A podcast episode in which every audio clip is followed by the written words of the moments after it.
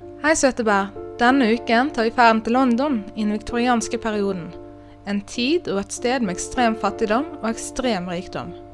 London var en av verdens største byer, og fra et vestlig synspunkt kanskje verdens navle. I den tid trengte man nye transportmidler, og London Underground var bygd i denne tiden. Men drosje med hest var den mest vanlige transportmiddelet. Jeg vil på ingen måte diskutere kvinners og menns status i samfunnet i dag, da det er for kompliserte spørsmål. Men bare løgnere vil nekte for at kvinner den gang var annenrangs til deres mannlige motstykke. Jeg syns det er verdt å merke seg dette, for jeg syns at dagens tema er noe preget av det. Dere vet kanskje ikke at jeg har sett på mye kilder for fremtidige temaer, og jeg har lagt merke til at rike menn fra denne perioden, ofte med lignende historier, ble omtalt positivt som gøye eksentrikere, mens kvinner og andre av lavere status ble omtalt som plager. Så ha det i mente at kildene jeg bruker er preget av datidens fordommer, og jeg har prøvd å korrigere, korrigere dette med litt godvilje, men ikke for mye. Dagens tema er fru Caroline Giacometti Progers, også kalt mor Progers. En hissig, drosjehatende kverulant. Eller forbrukernes forkjemper.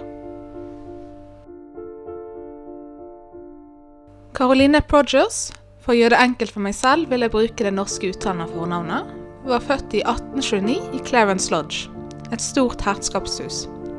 Hennes far var presten Edwin Progers, hvilket var et godt yrke i den øvre middelklassen. Carolines mor, som også het Caroline, med pikenavnet Blades, og var arving til Blades glassverksformue, altså hun var veldig rik. I 1841, da Caroline var tolv, flyttet de til Eyot St. Peter i Herefordshire, der faren jobbet som prest. Hennes foreldre hadde en høy stilling i samfunnet og en stor formue. Men penger og status er ingen garanti mot psykisk sykdom hvilket Caroline slet med.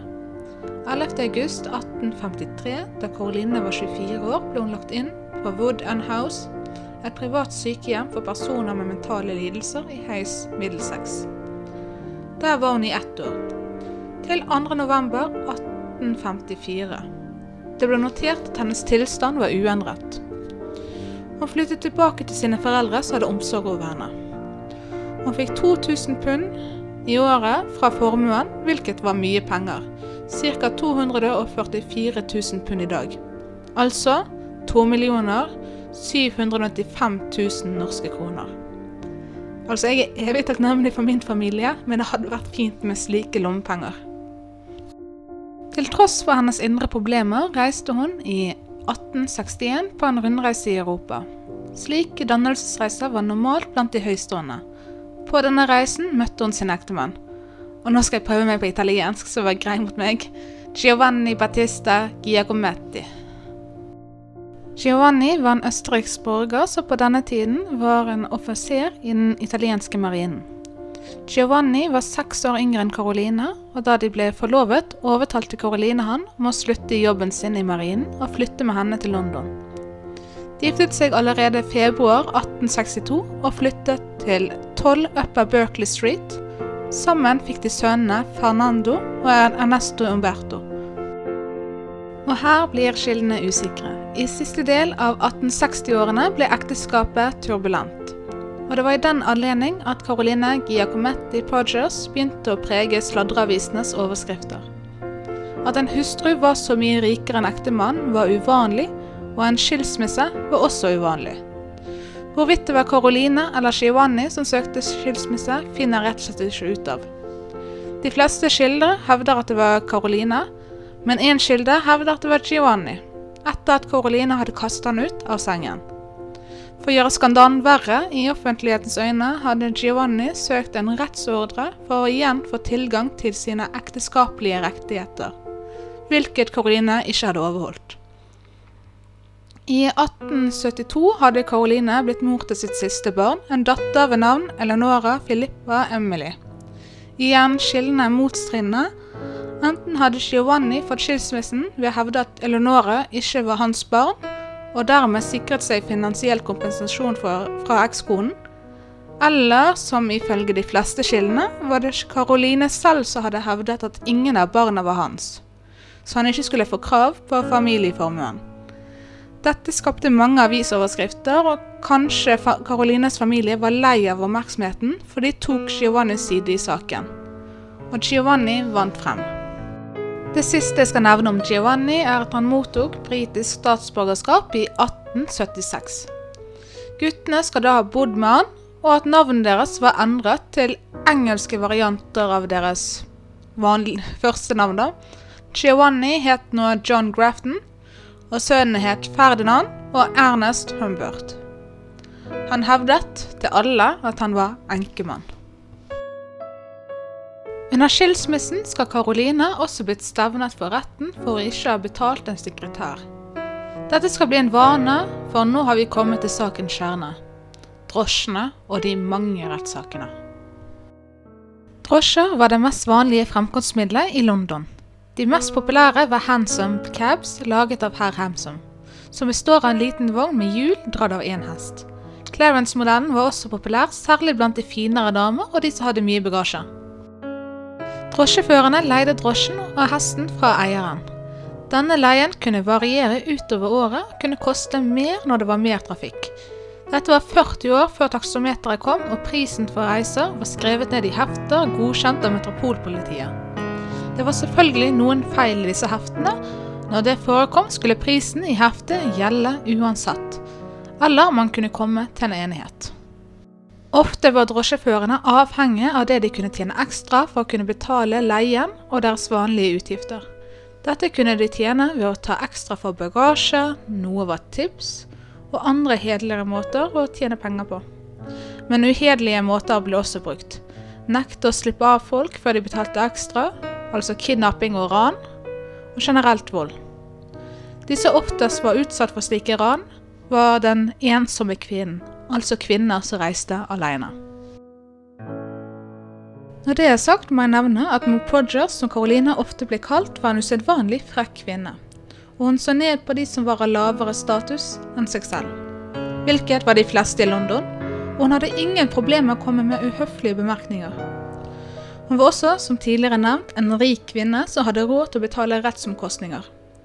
Pedantisk som hun var, hadde hun pugget prisen for enkelte distanser og nektet å betale andre kostnader enn det de hadde oppgitt, uansett årsak. Hun havnet i retten med mer enn 50 drosjesjåfører. Hvilket avisene tjente gode penger på, da mange gledet seg over morsomhetene. Drosjesjåførene skydde henne som pesten. Det skal ikke ha hjulpet at hun var så lett gjenkjennelig da hun likte å kle seg litt spesielt, og hun ankom King Cross med sine fem portører. Tre som bærte bagasje, og to som bærte barna. Da kunne man høre stemmer skrike ut 'More Progers, more Progers', og med ett forsvant alle drosjene. Den første noterte hendelsen skjer mens Caroline var separert i 1871. Den første saken var med en sjåfør ved navn Sotwell, som mente at han hadde for lang ventetid, altså tiden han ventet på Caroline. Dette var hun ikke enig i, og dermed nektet å betale. Hun nektet også å gi fra seg navn og adresse til både fører og politibetjent på stedet. Hun ble overtalt av en politiinspektør til å stevne Southwell. I retten kunne Southwell produsere et vitne som kunne bekrefte Southwells versjon. Og Southwell vant, og fikk alle kostnadene. Sak nummer to var også om ventetid, denne gangen med drosjesjåføren Richard Jones. Han tok henne til retten for kostnaden. Hun skal ha kranglet med dommeren sir Richard Cardin, hvilket avisene elsket. Hun tapte denne saken også. Edwin Castro kjørte henne fra Victoria stasjon til Houston stasjon. Castro mente at prisen da skulle være fire shillings. Men Caroline mente at det skulle være tre og en halv shilling. Denne gangen var ikke Victoria stasjon målt, og heller ikke i prisheftet. Da det var målt opp, viste seg at Castro hadde rett. Johns chalet nektet å fortsette å kjøre Mom Progers. Hun insisterte på å ha åpne vinduer i styrtregn, hvilket ville ødelegge putene i drosjen. En politimann på stedet skrev ned detaljene og poengterte at drosjen var i for dårlig stand til å kjøre. Dermed måtte Progers finne en annen måte å komme hjem på. Retten mente at Chalet hadde rett til å nekte å, kjø å kjøre henne. Sak nummer fem var avvist, og hun måtte betale sjåføren etter at distansen ikke var målt opp. Og kunne ikke bli målt opp, for de var privat eiendom. Hun stevnet Steven Butcher for overbetaling da han tok ekstra betaling for en omkjøring grunnet veiarbeid. Hun tapte. Endelig fikk Caroline en seier. Hun stevnet Robert Schalk for overbetaling, krenkende språkbruk og ikke gitt kvittering og for ikke å ha et prishefte. Han stevnet henne for ikke å betale. Han var kjent skyldig og ikke gi kvittering og for ikke å ha prishefte. Resten frafalt. En sjåfør ble stevnet for sladder, da han skal ha advart andre sjåfører om henne. En buss samtidig skal ha blitt sendt ved en feil for å hente henne, og Karoline mente at dette var gjort med vilje. Hun tapte begge sakene. Denne saken viser kanskje hvor frekk, i mangel på et bedre ord, Karoline var. Når Karoline ikke ville betale Isaac Gerby, for hun mente at han tok overbetalt, tok han saken i egne hender. Han fikk grunnen målt, og det viste seg at han hadde rett. Karoline snek seg ut i retten i håp om å slippe å betale. Dette er en rik kvinne vi snakker om. Dette hadde hun råd til, mens Scrooby strevde med å få mat på bordet. Mor Progers ble dømt til å betale én guinea. En sjåfør gjenkjente Mor Progers og krevde forhåndsbetaling, hvilket var ulovlig. Det viste seg å være en feil i papirarbeidet med Gruby-saken, og det måtte måles igjen. Gruby trakk seg, og Caroline fikk beholde sin guinea. Seieren går da til Caroline. Det virket som retten begynte å bli lei henne, for når Charles Redgrave stevnet Caroline for ubetalt reise, truet dommeren henne med fengsel med hardt arbeid. Hun betalte. Caroline stevnet to til for å nekte å kjøre henne, hvilket er fullt lovlig. Neste var Ben Combe. Han skal ha kansellert en reise etter en time, hvilket var forhåndsavtalt tid, selv om reisen var lengre. Og Caroline ville ikke betale for mer tid. Dette er fullt lovlig. Saken gikk til dommer Arnold, som er kjent for å dømme i den rikes favør. Retten varte i to dager, og Combe fikk rett. Men han fikk bare betalt for reisen, og han tapte dermed penger ved å bruke så lang tid vekk fra jobben. Husk, dette er London i Victoria-tiden. Tid er penger. Uansett, seier til drosje. Personlig tap til Combe.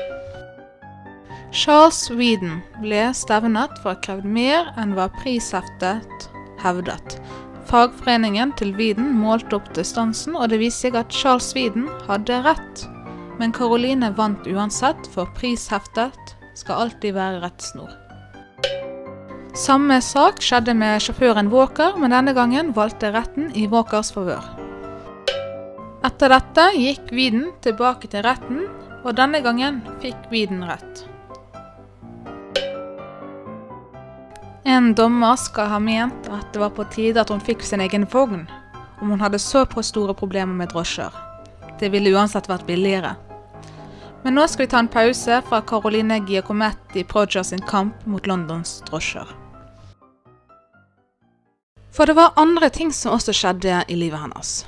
Og det var mange som beskrev disse hendelsene. Blant annet skal en drosjesjåfør ha brent en figur av Moore Progers på Guy Fawkes natt en engelsk tradisjon med bål, som ble feiret 5.11. Dere som sett ved for dette, kjenner den dagen. Disse figurene var store pappfigurer som ble kjørt rundt i byen før de brennes. Inkludert denne Mo Progers. Sjåføren skal bli arrestert, for tigging faktisk, og det er usikker om Caroline hadde en finger med i spillet. Dommeren skal ha avvist dette, for alt var bare en spøk. Midt oppi alt dette mylderet hadde fru Giacometti Progers kun én fortrolig venn. Oppdagelsesreiseren sir Richard Burton, som var kjent for å kunne snakke 29 språk, annet. Burton-familien syntes at dette var rart hvor gode venner de to ble, for han var kjent som en gretten gubbe som ikke var glad i å underholde gjester. Men døren var alltid åpen for Carolina. To av Richards søskenbarn hadde en morsom liten måte å forklare forholdet mellom dem på. Dette er oversatt av meg. Jeg har engelsk tekst på, for dere som vil lese forklaringen ordrett. På Ateumklubben var han ikke tilgjengelig til noen, bortsett fra en viss fru Giacometti Progers.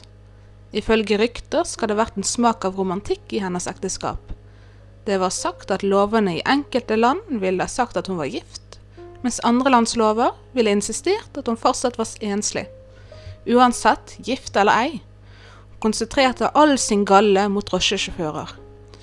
Med stor respekt for Burtons meninger dro hun ofte til han med disse drosjekonfliktene. Og merkverdig nok, selv om ingen andre kunne nå han, sto han alltid til tjeneste til fru Progers, og delte med glede av sin visdom. For rettsstolen i London var den gode kvinnen den store skrekk. Og Frederick Burton, en trofast avisleser, fikk stor glede av å følge hennes opplevelser. St. George, ville han rope over frokostbordet. Fru Giacometti Progers igjen. Hun har tatt en ny drosjemann. Hun var også involvert i en rekke andre søksmål. Hun saksøkte kokken sin for at kokken sank på jobb, og for ikke forlate huset da hun fikk sparken. Sikkert for å synge på jobb. Karoline trodde også hun var nevnt i en avis, men mente at hun ikke måtte betale for hele avisen, siden hun ville bare ha den siden. Da hun prøvde å stikke av med avisen, ble det en liten slåsskamp, der kjolen hennes ble revet. Og selvfølgelig saksøkte hun avisens redaktør for dette. En klokkemaker gjorde en liten feil med å levere feil klokke til Karolines hus. Istedenfor å la klokkemakeren ordne opp, syns hun, som dere kanskje har gjettet, at saksmål var rette veien å gå. Avisene og tabloidene fulgte hennes liv med lupe, og nyheten om henne spredde seg der hun reiste. Samme gjorde oppmerksomheten. Derfor delte folk historier om henne til avisene, bl.a. anekdoter om hvor frekk hun skulle ha vært. Hun skal ha vært på et skip en gang der en av passasjerene tilbød henne te. Da svarte hun jeg har kun hatt ettermiddagste én gang i mitt liv, og det var med hertugen av Sutherland. Hun ble med andre ord en urban legende i London. Poeter skrev dikt om henne, tegnere tegnet karikaturer av henne, og forfatteren J.E. Preston skrev en karakter i boken The Sunless City basert på henne, med hennes navn baklengs. Det populære humormagasinet Punch hadde flere segmenter om henne. Og komikeren Herbert Campbell fremførte et lite dikt, også basert på henne. All great men have their statues, and it's but their due. But I wonder why the ladies don't have them too. If they did, to the academy like to send a bust of Mrs. Podgers, the cabman's friend. Of all the strong-minded females, she's the worst I ever saw. Oh, wouldn't she be lovely as a mother-in-law? At the corner of every cab rank, her flag should be unfurled. Oh, so horrible example to this wicked world. I 1875 begynte hun på en lang reise rundt om i Europa og den fjerne Østen. Hun kom først tilbake ti år senere. Selvfølgelig var det første Caroline gjorde når hun ankom King Cross, å ringe etter drosje. Sjåføren visste ikke navnet eller adressen til Caroline, hvilket hun syntes var uhyre frekt, for enhver drosje skulle kunne navnet hennes, selv elleve år senere de forrige hendelsene. Og så ventet ble han stevnet like etterpå. Saken ble avvist. Caroline stevnet også John Burgess for krenkende språkbruk. Ifølge henne skal han ha ropt 'gamle fru Progers' etter henne. Burgess vant i retten. Han hadde flere vitner som kunne bekrefte at han var hjemme og sov da krenkelsen skal ha funnet sted. Av de sakene jeg kunne finne 130 år senere, er stillingen drosjeyrke 16, Caroline 3. Det var langt over 50 andre saker mellom fru Giometti Progers og ulike drosjesjåfører. Kanskje til og med opp mot 100.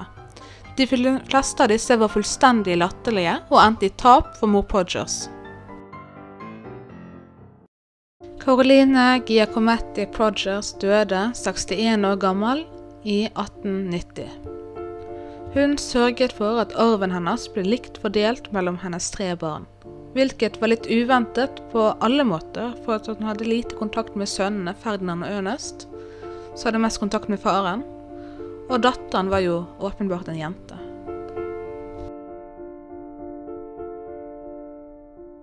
For meg er det klart at hun selvfølgelig var en unødvendig plage for drosjene og drosjeyrket. Men samtidig rettet hennes krig oppmerksomhet på farene ved å reise alene som kvinne. Og så skapte det et behov for en mer rettferdig måte å bestemme pris på reise. Takstometeret kom 40 år senere, men allerede mens rettssakene pågikk, begynte folk å jobbe med problemet. Personlig har jeg noe problemer med etikken i hvordan avisene og mediene omtalte henne. Det er åpenbart at dette var en psykisk ustabil kvinne vi snakker om. Og apropos avisene. De publiserte hennes nekrolog som lyder som følger. Fru Giacometti Podgers, Londons drosjemanns skrekk, er død. Hennes vane var å kjøre lengst mulig distanse for pengene, betale den eksakte pris, for så å få drosjesjåføren arrestert for å uttrykke sine følelser.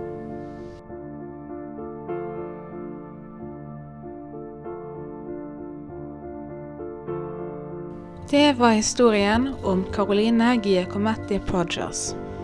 Hva syns du om henne? Jeg vil gjerne vite om det er noen drosjesjåfører som har lytta på. Uansett, tusen takk for at du hørte på og så på. Jeg setter veldig stor pris på en tommel opp, og husk det alltid lov til å abonnere. Ha det.